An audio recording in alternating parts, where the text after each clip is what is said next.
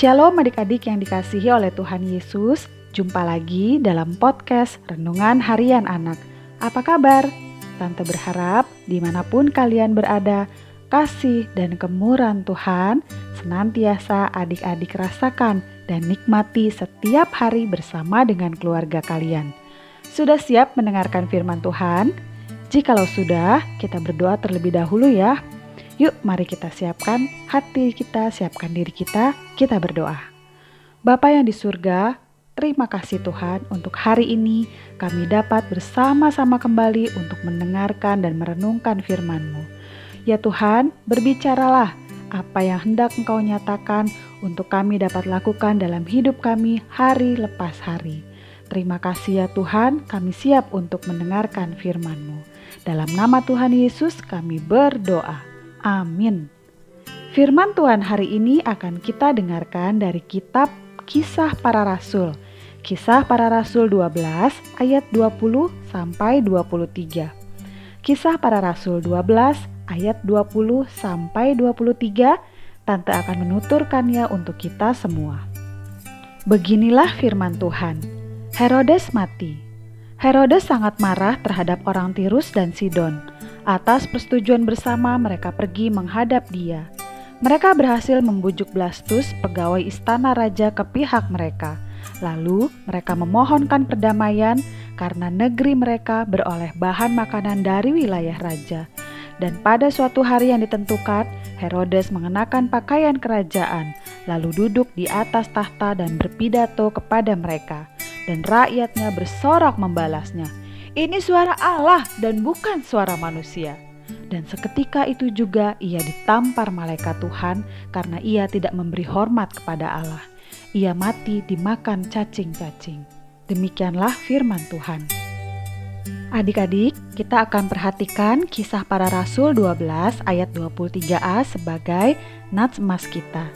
Dan seketika itu juga ia ditampar malaikat Tuhan karena ia tidak memberi hormat kepada Allah.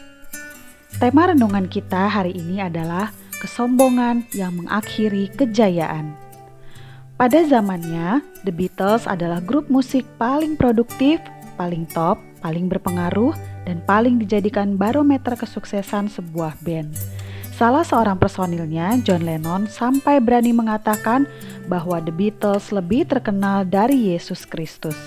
Hal ini terjadi karena dia berpikir bahwa pada kenyataannya kemerosotan kehidupan beragama di Inggris menjadikan orang lebih suka mendengarkan piringan hitam The Beatles daripada pergi ke gereja. Meskipun The Beatles mempunyai penggemar fanatik yang disebut Beatlemania di seluruh dunia, namun mereka semua merasa tersinggung dan marah mendengar pernyataan John Lennon itu. Mereka muak adik-adik dengan kesombongan yang keterlaluan seperti itu.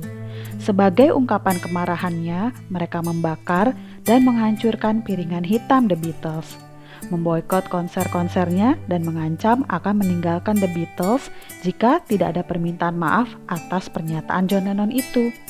Akhirnya The Beatles meminta maaf kepada masyarakat. Adik-adik, Grup musik The Beatles kemudian membubarkan diri pada tahun 1970. Pada tanggal 8 Desember 1980, seorang pemuda bernama Mark David Chapman menembak mati John Lennon dengan empat butir peluru di New York. Chapman adalah seorang penggemar berat The Beatles dan John Lennon.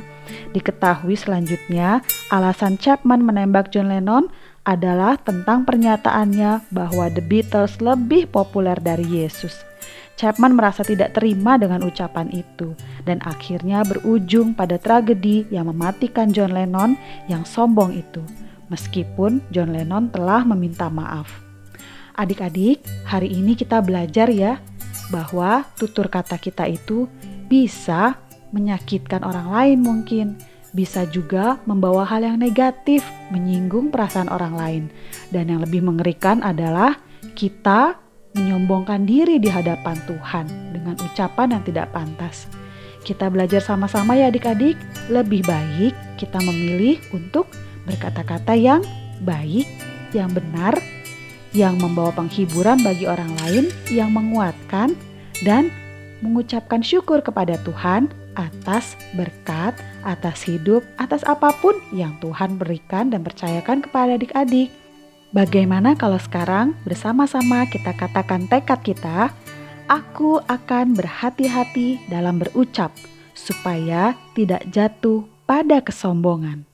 Sekali lagi ya, aku akan berhati-hati dalam berucap supaya tidak jatuh pada kesombongan. Mari kita berdoa. Bapa di surga, jagalah lidah bibir kami supaya tidak mudah bicara sembarangan yang pada akhirnya menjurus pada kesombongan. Ampunilah ya Tuhan untuk keteledoran kami selama ini. Dalam nama Tuhan Yesus kami berdoa. Amin. Renungan kita sudah selesai. Tuhan Yesus memberkati adik-adik. Sampai besok lagi ya.